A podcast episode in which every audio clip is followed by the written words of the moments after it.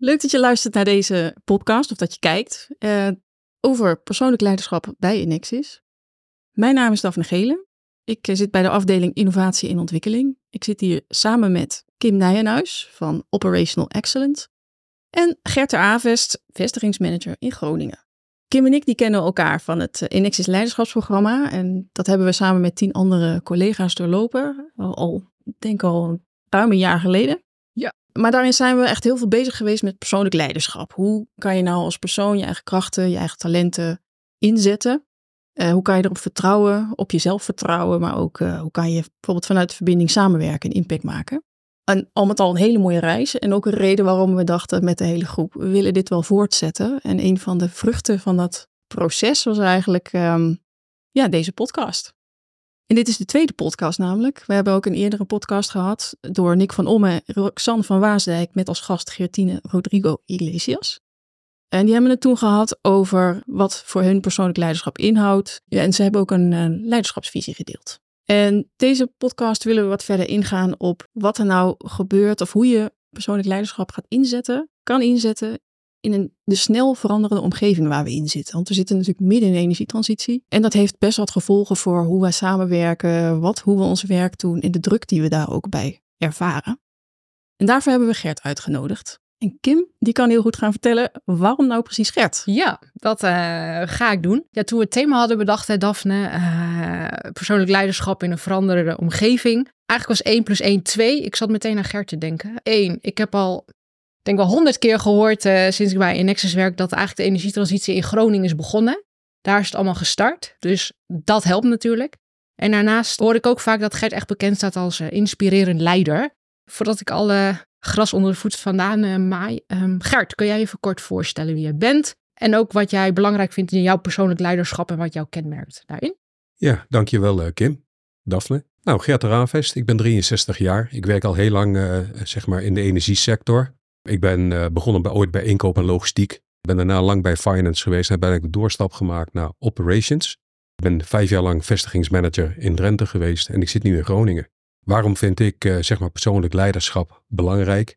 Ja, dat is dat je steeds in een veranderende omgeving zit, een veranderende situatie zit. En voor mij is het steeds zeg maar een uitdaging om te kijken hoe moet ik nou mijn eigen gedrag, mijn eigen leiderschap aanpassen om de verandering die zo noodzakelijk is voor deze energietransitie om die met mijn mensen zeg maar door te maken.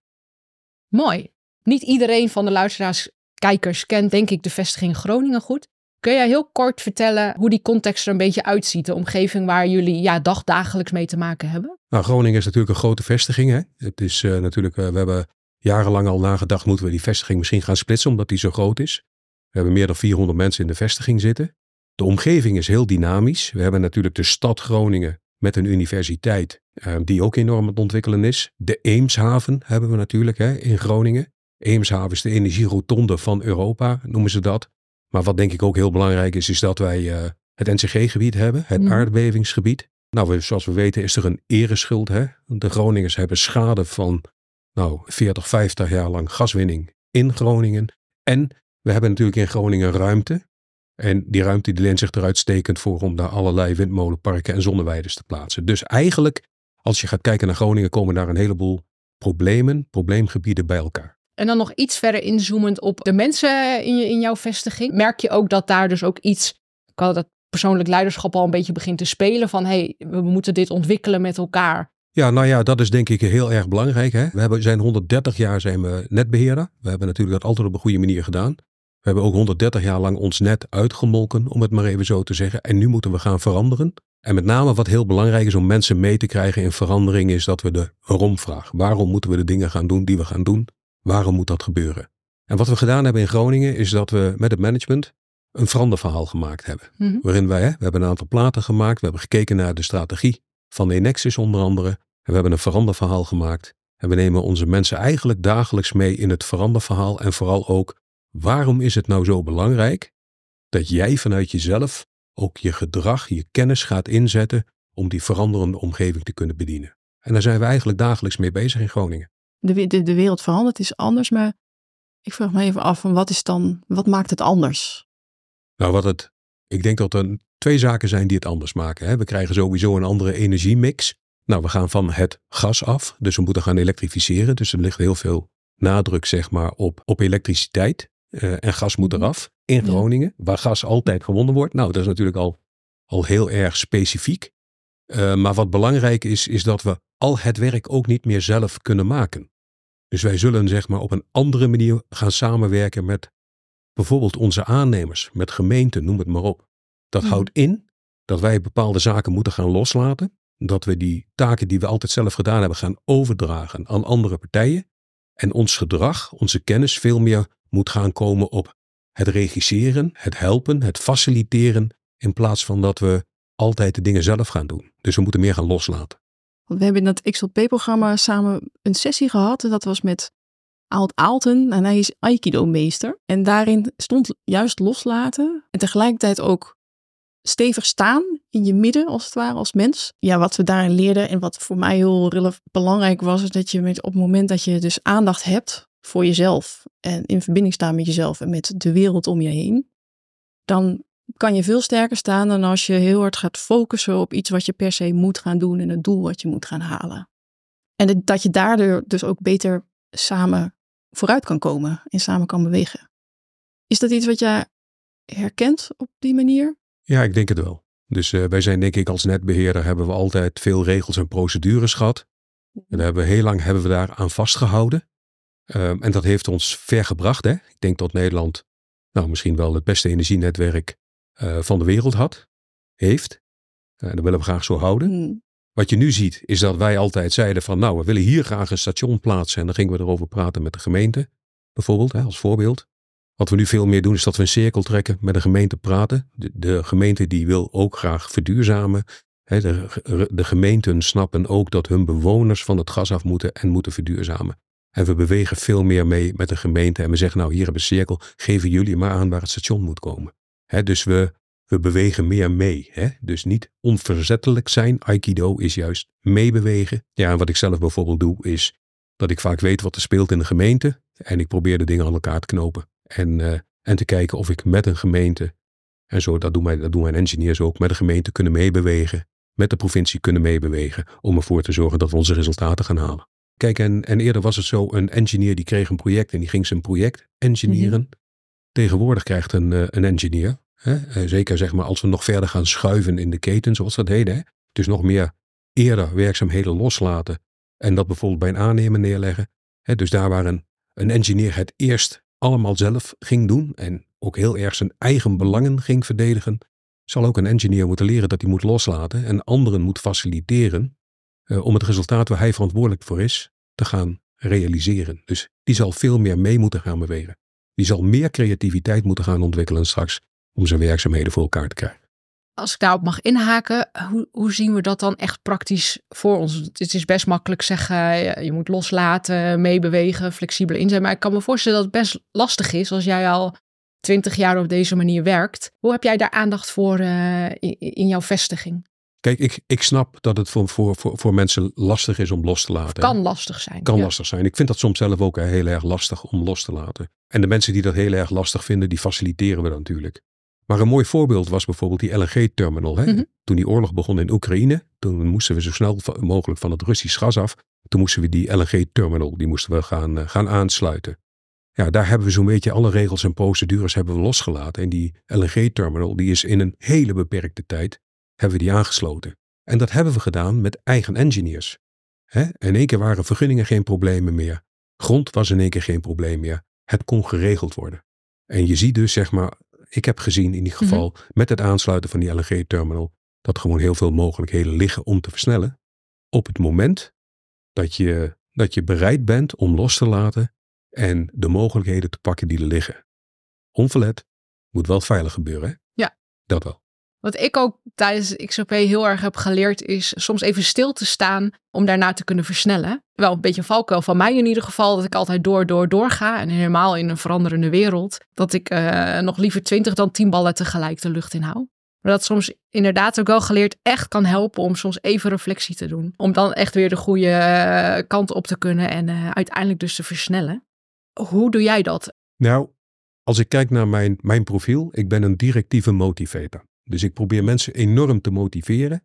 Uh, maar komt er geen actie, dan zet ik ze aan tot actie. En tegelijkertijd realiseer ik me soms ook dat je even moet stilstaan om te kijken, doen we nou de juiste dingen?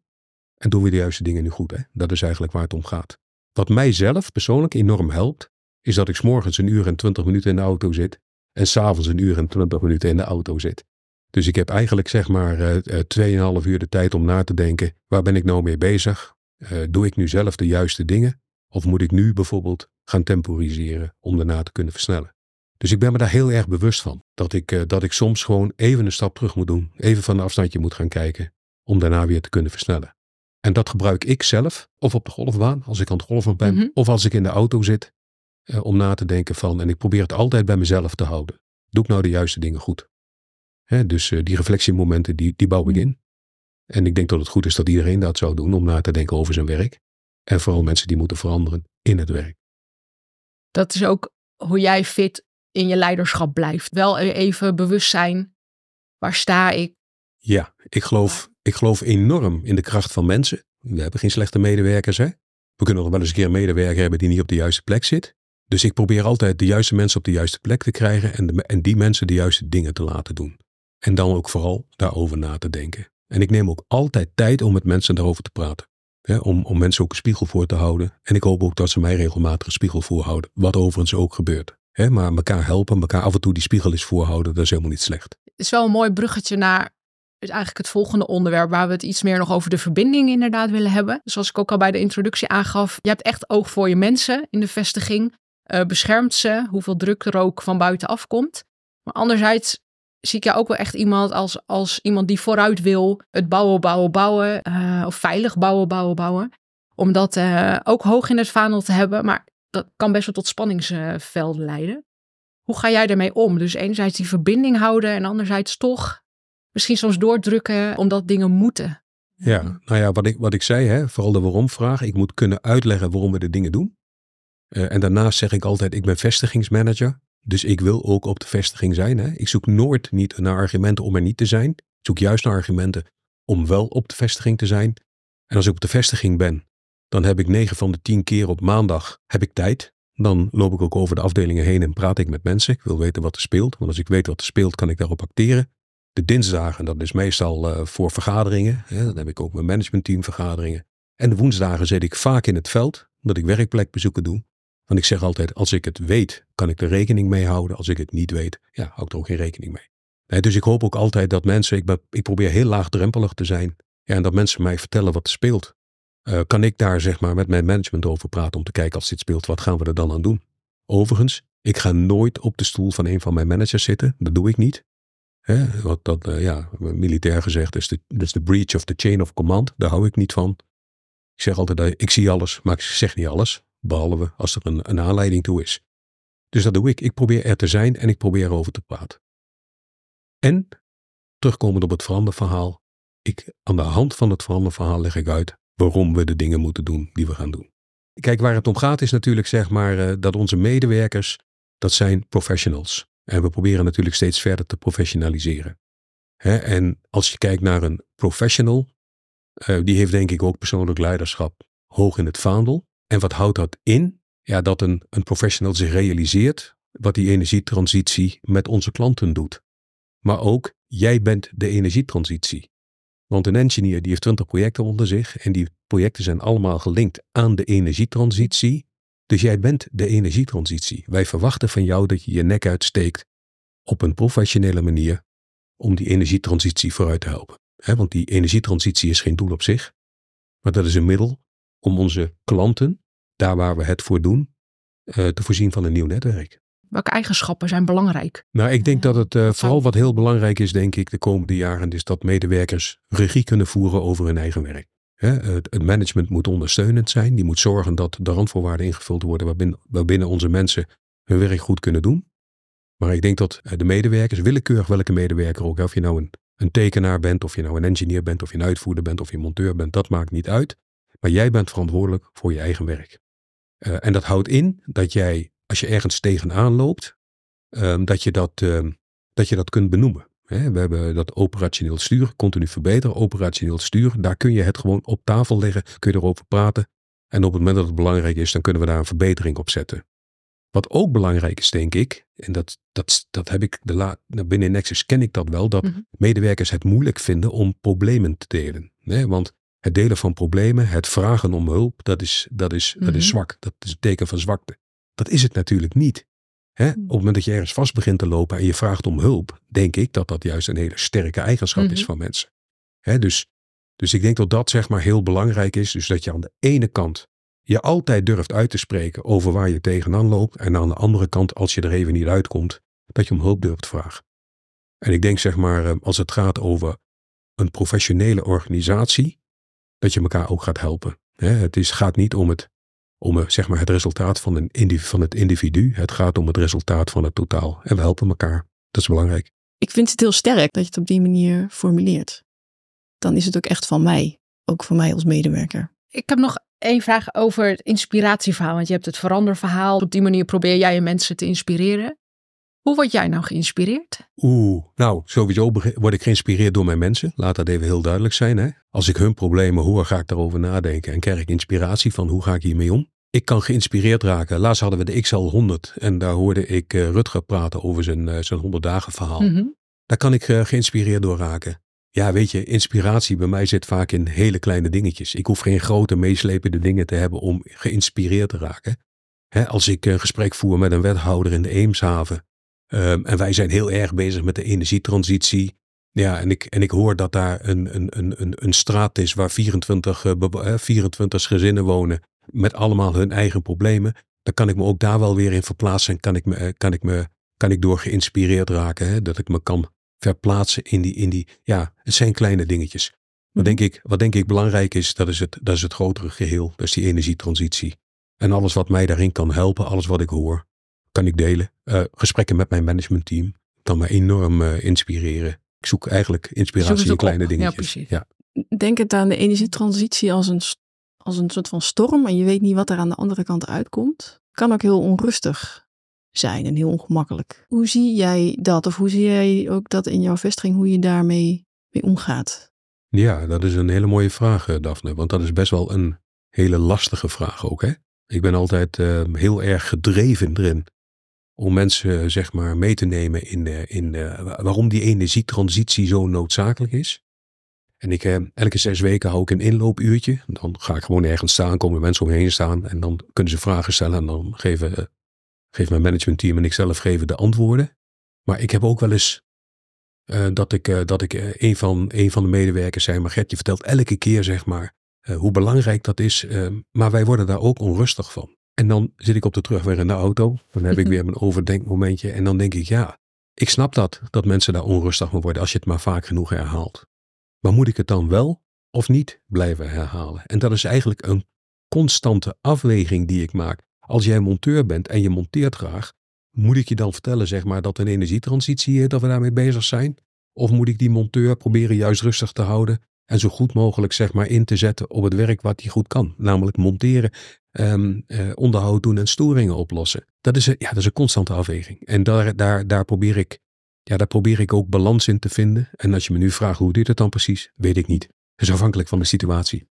Volgens mij gaan we alweer eh, een beetje richting Ja. het einde van deze podcast. Dus we hebben het over veel dingen gehad, inderdaad. Over eh, de context waar jullie in Groningen in zitten. Hoe we moeten loslaten, wat jou daarbij helpt. Omgaan met weerstand, je mensen meekrijgen, inspireren. Is er nog iets wat jij de luisteraars als boodschap zou willen meegeven? Ik zou, ik zou eigenlijk eh, de luisteraars willen meegeven. We weten dat er een transitie is. We weten dat we niet meer in een tijdperk van verandering zitten, maar een verandering van tijdperk. Dat dingen bij hetzelfde houden, dat dat niet meer gaat lukken. Want de, wereld die, die verandert heel snel. Maar denk vooral ook bij jezelf na. Wat kan ik doen om mee te gaan in de verandering? Eh, als je tegen de stroom inroeit, dan brengt je één ding. Dat is namelijk hele dikke schouders. Maar verder brengt het je helemaal nergens. Maar wat is nodig? Wat kun jij doen om mee te bewegen in de verandering? Zodat je nou, die verandering voor jezelf ook acceptabel maakt. Ik denk dat dat het belangrijkste is. Denk vooral bij jezelf goed na. Wat kan ik doen om mee te gaan in de verandering? Mooi. Dat, uh, volgens mij een mooie afsluiting uh, waar alle Inexus collega's eens uh, over na kunnen denken. Dan komen we inderdaad nu helemaal tot het einde. Gert, ik wil je heel hartelijk bedanken voor het meedoen aan deze podcast. Nou, dankjewel. Ook luisteraars, kijkers, dankjewel. Mocht je het een leuke podcast vinden, je kunt je natuurlijk abonneren op deze podcast. Er komt sowieso nog een derde aan. Die zullen Roel de Laat en Maarten Morsink, onze collega's, gaan doen. Dan wens ik voor jullie nog een hele fijne dag verder. Dankjewel, tot de volgende.